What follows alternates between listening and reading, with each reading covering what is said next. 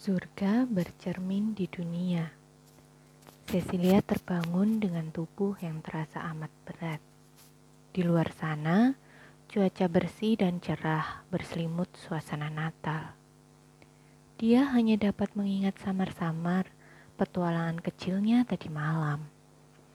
Ariel membawanya ke ruang bawah. Lalu Ariel membawanya naik kembali ketika alarm jam berbunyi di kamar ayah dan ibu. Ariel, bisik Cecilia. Tak ada jawaban. Mungkin dia hanya datang pada malam hari. Cecilia membunyikan bel yang terletak di meja di samping tempat tidurnya. Ibu datang dalam sekejap. Tak lebih lama dibandingkan waktu yang dibutuhkan Ariel untuk menyalakan lampu-lampu pohon Natal. Ibu seperti jin lampu ajaib saja. Kau sudah bangun rupanya? Ibu berlutut di sisi tempat tidur. Sudah pukul satu, kau tadi tidur terus. Cecilia menggelengkan kepala. Kalau begitu, apa saja yang kau lakukan tadi? Aku berbaring, melihat-lihat, dan menyimak suara-suara. Di rumah ini pada malam hari ada suara-suara juga loh. Kita bisa mendengarnya asalkan berusaha menyimak baik-baik. Kadang-kadang aku bisa mendengar suara salju turun di luar sana. Dan apa saja yang kau lihat? Tadi ada sinar yang sangat indah menerobos jendela. Kalau perlu apa-apa, kau kan tinggal membunyikan bel. Aku berbaring memikirkan banyak hal. Ada yang terasa sakit? Tidak. Tapi sekarang aku mulai merasa. Bagaimana rasanya? Ibu mulai lagi kan? Apa maksudmu? Enggak, bukan apa-apa. Aku merasa lemas banget. Tadi waktu ibu menengokmu pukul tujuh, kau tidur nyenyak seperti sebatang pohon. Pohon tidak tidur, Bu. Kau tersenyum dalam tidur. Pohon juga tak bisa tersenyum. Sebenarnya aku baru tertidur sewaktu ibu datang tadi. Menurutmu begitu? Aku tadi mendengar alarm jam berbunyi. Ibu menyentuh dahi Cecilia. Christine datang. Dia ada di bawah, di ruang keluarga, mencicipi marsipan Lars. Dia boleh makan sebanyak-banyaknya? Apa maksudmu? Aku gak mau dengar soal marsipan. Ibu sudah mulai pelupa ya? Tidak, ibu harap tidak. Suruh saja dia datang ke sini. Aku sudah tidak takut dengan suntikan. Sebaiknya kita ke kamar mandi dulu yuk. Tapi bu, ya, apa tidak bisa Kristen cuma menyuntikku dan menyelesaikan pekerjaannya? Ibu rasa bisa. Kadang-kadang dia mengajakku ngobrol lama tentang apa yang kurasakan. Ini namanya apa? Semacam itu, aku bosan. Lagi pula ini kan hari Natal. Christine mungkin ingin memeriksa kondisimu. Tapi ibu harus janji ada di sini nanti. Dan kalau dia mulai menghela nafas dan mengeluh, ibu harus lekas-lekas menyuruhnya pergi. Lagi pula aku tidak tahu harus menjawab apa akan ibu usahakan. Dan bu, aku pasti akan sembuh, aku janji. Iya, tentu saja kau akan sembuh. Tapi cuma aku yang boleh bilang begitu. Kalau kalian yang mengatakannya, aku merasa kalian hanya ingin menghibur. Aku merasa kalian hanya ingin menghiburku. Kau curang. Cecilia menengadah. Apa ibu menangis? Ibu menyeka matanya. Tidak, tentu saja tidak. Tapi itu ada air mata tuh. Oh, ibu baru saja mengupas bawang. Lagi? Setelah Cecilia mendapat suntikan, minum obat dan makan sedikit, satu persatu keluarganya menjenguknya. Lars baru saja mencoba mini di lereng dekat sungai. Sungai itu membeku total. Lars bahkan tidak mendengar ada air mengalir di bawah lapisan esnya. Beberapa anak kelas 5 dan 6 bermain skate di tempat terlebar sungai itu. Ayah datang membawakan beberapa edisi baru Science Illustrated. Sebelumnya, Cecilia sudah diberi setumpuk majalah itu. Mula-mula, ayah memberinya edisi yang memuat artikel tentang mineral dan permata. Itulah mengapa gunung adalah peti harta karun dunia. Cecilia membaca pula beberapa artikel lainnya dalam edisi itu. Lalu ia minta dibelikan lagi. Itu sudah lama sekali. Sekarang Cecilia tidak kuat lagi membaca terlalu lama. Kakek sedang ingin membicarakan liburan mereka di kereta. Seluruh keluarga Cecilia ikut pergi ke sana, termasuk kakek dan nenek. Pada saat yang hampir bersamaan, mereka diberitahu tentang penyakit Cecilia. Cecilia tak ingat pasti apakah itu sebelum atau sesudah liburan itu. Tapi pastilah ia masih dirawat dokter pertamanya. Itu adalah liburan impian. Begitulah keluarga Cecilia menyebutnya. Selama dua minggu yang luar biasa, mereka menikmati sinar matahari, pantai, dan restoran-restoran dengan para pelayannya yang lucu sementara orang-orang lain sedang pergi ke sekolah atau bekerja. Suatu hari, mereka mengunjungi pulau vulkanik Santorini. Mereka berlayar melewati sebuah kawah raksasa yang diciptakan letusan vulkanik 3500 tahun yang lalu. Kala itu, lebih dari separuh Santorini tenggelam ke dalam laut. Untuk mencapai kota Tera, mereka harus menunggang bagal mendaki jalan paling terjal yang pernah Cecilia lihat. Setelah itu, mereka mandi di pantai lava yang seluruh pasirnya sehitam arang dan panas terpanggang matahari yang terik. Beberapa kali pada sore hari, seluruh keluarga Cecilia berjalan menyusuri pantai berbatu sambil mencari batu-batu yang indah.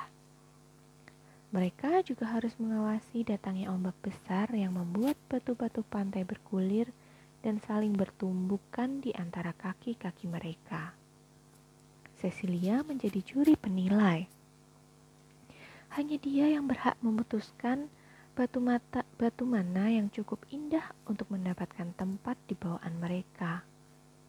Mereka membawa pulang sekian kilo batu. Hari itu, kakek ingin memastikan bahwa dialah yang menemukan batu yang paling indah. Liburan ini indah sekali, Cecilia. Liburan impian mereka berlangsung pada akhir September. Semenjak itu, Cecilia tidak pernah lagi benar-benar sehat. Tapi, ia masih sempat masuk sekolah hingga November. Setelah itu, ia harus dirawat di rumah sakit selama beberapa minggu. Selama itu, gurunya beberapa kali datang dan memberitahu dia apa saja yang mereka lakukan di sekolah. Nenek menjadi yang terakhir menjenguknya pada hari itu. Sejak Cecilia masih kecil, nenek biasa mendongenginya. Namun, nenek tidak pernah memberikan dongeng biasa nenek menceritakan dewa-dewa kuno yang diyakini bangsa Viking. Kadang-kadang, nenek mengambil dari kisah-kisah dewa versi Snorre yang tak kalah indahnya dibandingkan dongeng mana pun. Belakangan ini, nenek membacakan kisah-kisah dari Bible untuk anak yang merupakan kepunyaan ibu sewaktu kecil.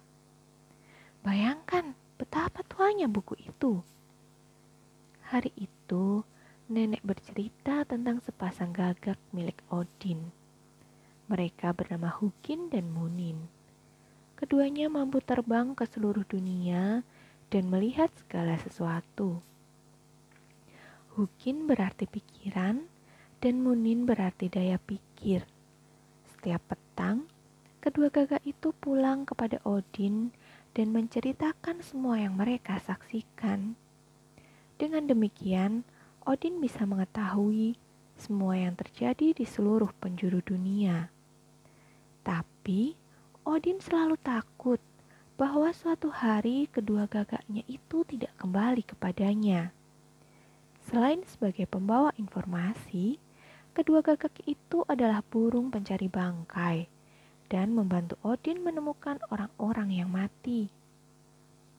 Odin bertahta di Asgard, di sebuah singgasana yang disebut Litskjalf.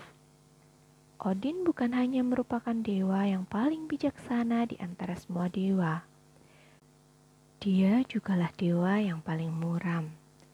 Karena hanya dialah yang tahu tentang Ragnarok, hari kiamat ketika semua dewa akan mati. Nenek bercerita banyak tentang Odin dan kedua gagaknya. Sorenya, Cecilia sempat tertidur. Mulanya dia hanya berbaring-baring sejenak, lantas mengantuk, dan akhirnya terlelap. Saat terbangun, dia bisa mendengar keluarganya sedang makan malam di bawah. Mereka pasti baru akan mulai makan, karena Cecilia mendengar ibu berkata, Aku saja yang membagikan supnya, lebih mudah seperti itu. Pada hari Natal, keluarga Cecilia selalu makan sup cauliflower sebelum menikmati daging sapi panggang. Cecilia mengambil buku catatannya dari kolong tempat tidur dan mulai membalik-balik halamannya. Beberapa minggu yang lalu, nenek memberinya seuntai kalung mutiara yang indah, sebuah benda warisan keluarga. Cecilia menulis di bukunya, "Saat ajal menjemputku nanti, untai mutiara halus keperakan ini akan terberai dan butir-butir mutiara akan terserak, bergulir melintasi negeri ini dan berlari pulang ke ibu-ibu mereka tiram-tiram di dasar laut. Siapa yang akan menyelam untuk memungut mutiara-mutiaraku? Siapa yang akan tahu bahwa mereka adalah milikku? Siapa yang akan mampu menebak bahwa pernah suatu ketika seluruh dunia bergantung menghias leherku. Cecilia sudah mulai menggigit-gigit ballpointnya ketika teringat kemarin malam dia berbicara dengan malaikat. Dia mengingat-ingat pengalamannya itu sebisa mungkin dan kemudian mencatatnya di bukunya. Para malaikat di surga tak bisa hancur. Itu karena mereka tak punya tubuh dari daging dan darah yang ditinggalkan ruh saat ajal tiba. Berbeda dengan segala sesuatu di alam semesta. Di sini, semua hal bisa rusak dengan gampangnya. Bahkan, gunung pun perlahan terban dan berakhir sebagai tanah dan pasir. Ada keburukan di alam semesta, ada cacat di alam duniawi Kau tak selalu sepenuhnya memahami apa yang kau ciptakan. Misalnya, aku bisa saja menggambar atau melukis sesuatu di selembar kertas. Tapi itu bukan berarti aku bisa memahami bagaimana rasanya menjadi gambaranku itu. Lagi pula kan gambarku tak hidup dan itulah yang benar-benar aneh. Aku hidup setelah tak ada lagi yang bisa dia tuliskan, Cecilia meletakkan kembali buku itu di lantai dan mendorongnya ke kolong tempat tidur. Pastilah Cecilia tertidur lagi, karena dia kemudian terbangun dan mendengar sebuah suara berkata, Nyenyakkah tidurmu? Itu suara malaikat Ariel. Cecilia mencari-carinya. Ariel terlihat berlutut di atas tempat tidur di dekat kaki Cecilia. Aku ada di sini sepanjang hari tadi, katanya meyakinkan Cecilia. Tapi aku tak bisa melihatmu. Ariel butuh waktu agak lama sebelum menjawabnya. Mungkin aku belum memberitahumu. Ada dua macam pendampingan malaikat. Biasanya, kami hanya duduk mendampingimu tanpa menunjukkan diri kami Hanya dalam kesempatan-kesempatan amat langka, kami menunjukkan diri dengan jelas, seperti yang kulakukan saat ini. Kedua-duanya penampingan malaikat. Iya, kedua-duanya. Bagaimana dengan saat kamu mendampingi bocah laki-laki yang sakit di Jerman itu? Aku cuma hadir di sana, tanpa menunjukkan diri. Aku belum paham bagaimana kau bisa ada di kamar ini tanpa terlihat olehku. Penjelasannya tak terlalu rumit. Kalau begitu jelaskanlah. Seandainya kau bermimpi berada di sebuah pantai asing, apakah kau akan mengatakan bahwa dalam mimpimu kau berada dalam makna tertentu di pantai itu? Iya, dalam makna tertentu. Tapi orang-orang yang benar-benar berada di pantai itu tidak ada yang melihatmu kan? Jelas tidak dan kau bisa saja membeli tiket di agen perjalanan dan pergi ke sana serta berenang di pantai itu. Jika itu yang terjadi, orang-orang di sana akan melihatmu karena kau benar-benar hadir di pantai itu. Cecilia memandang tajam ke dalam mata turkois Ariel. Itu perumpamaan yang cerdas. Ngomong-ngomong, kau berhasil membawaku kembali ke tempat tidur tepat sebelum ibu bangun. Ya, hanya terpisah seperkerian ditik. Jika kita tidak berhasil kembali sebelum ibu bangun, dia bakal kena serangan jantung. Mungkin ibu akan berpikir aku sudah sehat kembali. Ya ampun Cecilia, mendadak kamu sembuh. Ariel tertawa. Aneh rasanya melihat kalian tidur. Bukannya malaikat juga tidur? Ariel menggeleng. Kami tidak mengerti apa itu tidur. Kau? Tidak juga sih. Tapi aku yakin kau pernah memikirkan apa yang sebenarnya terjadi di dalam kepalamu ketika kau jatuh tertidur. Ariel mengangkat bahunya. Rasanya seperti lampu yang padam saja. Aku tidak paham bagaimana kalian seberani itu. Loh, memangnya kenapa? Kalian tidak tahu pasti bakal bangun kembali kan? Bis bisakah kau coba jelaskan bagaimana rasanya tertidur itu? Cecilia mendesah pelan. Ketika jatuh tertidur, kami sudah tidak sadar. Maksudku, saat itu kami ada di perbatasan jaga dan tidur. Itulah mengapa tak seorang pun tahu pasti seperti apa rasanya tertidur itu. Tidak bisa dipercaya, padahal saat itu pasti ada revolusi kecil terjadi di dalam kepalamu. Tapi saat itu terjadi, kami sudah tertidur. Begini ya, Kau tidak bisa berpikir, nah sekarang aku tertidur. Saat itu sudah telat untuk berpikir. Kepala kami agak mirip mesin yang mendadak berhenti bekerja. Tapi kalau kepala kalian seperti mesin yang mendadak berhenti bekerja dan tidak ada lagi listrik yang mengalirinya, bagaimana dia bisa menghidupkan lagi dirinya sendiri beberapa jam kemudian? Kau benar-benar mengajukan pertanyaan yang sulit. Kami tertidur begitu saja, lalu terbangun beberapa jam kemudian. Ayah sepertinya punya beker di dalam kepalanya. Dia selalu bangun pukul 7 kurang 5 menit setiap pagi. Lantas dia turun dari tempat tidur dan mematikan alarm yang seharusnya berbunyi 5 menit kemudian. Tapi hanya pada hari-hari kerja. Dia bisa tahu kapan harus bangun. Pada hari Minggu, dia tidur jauh lebih lama.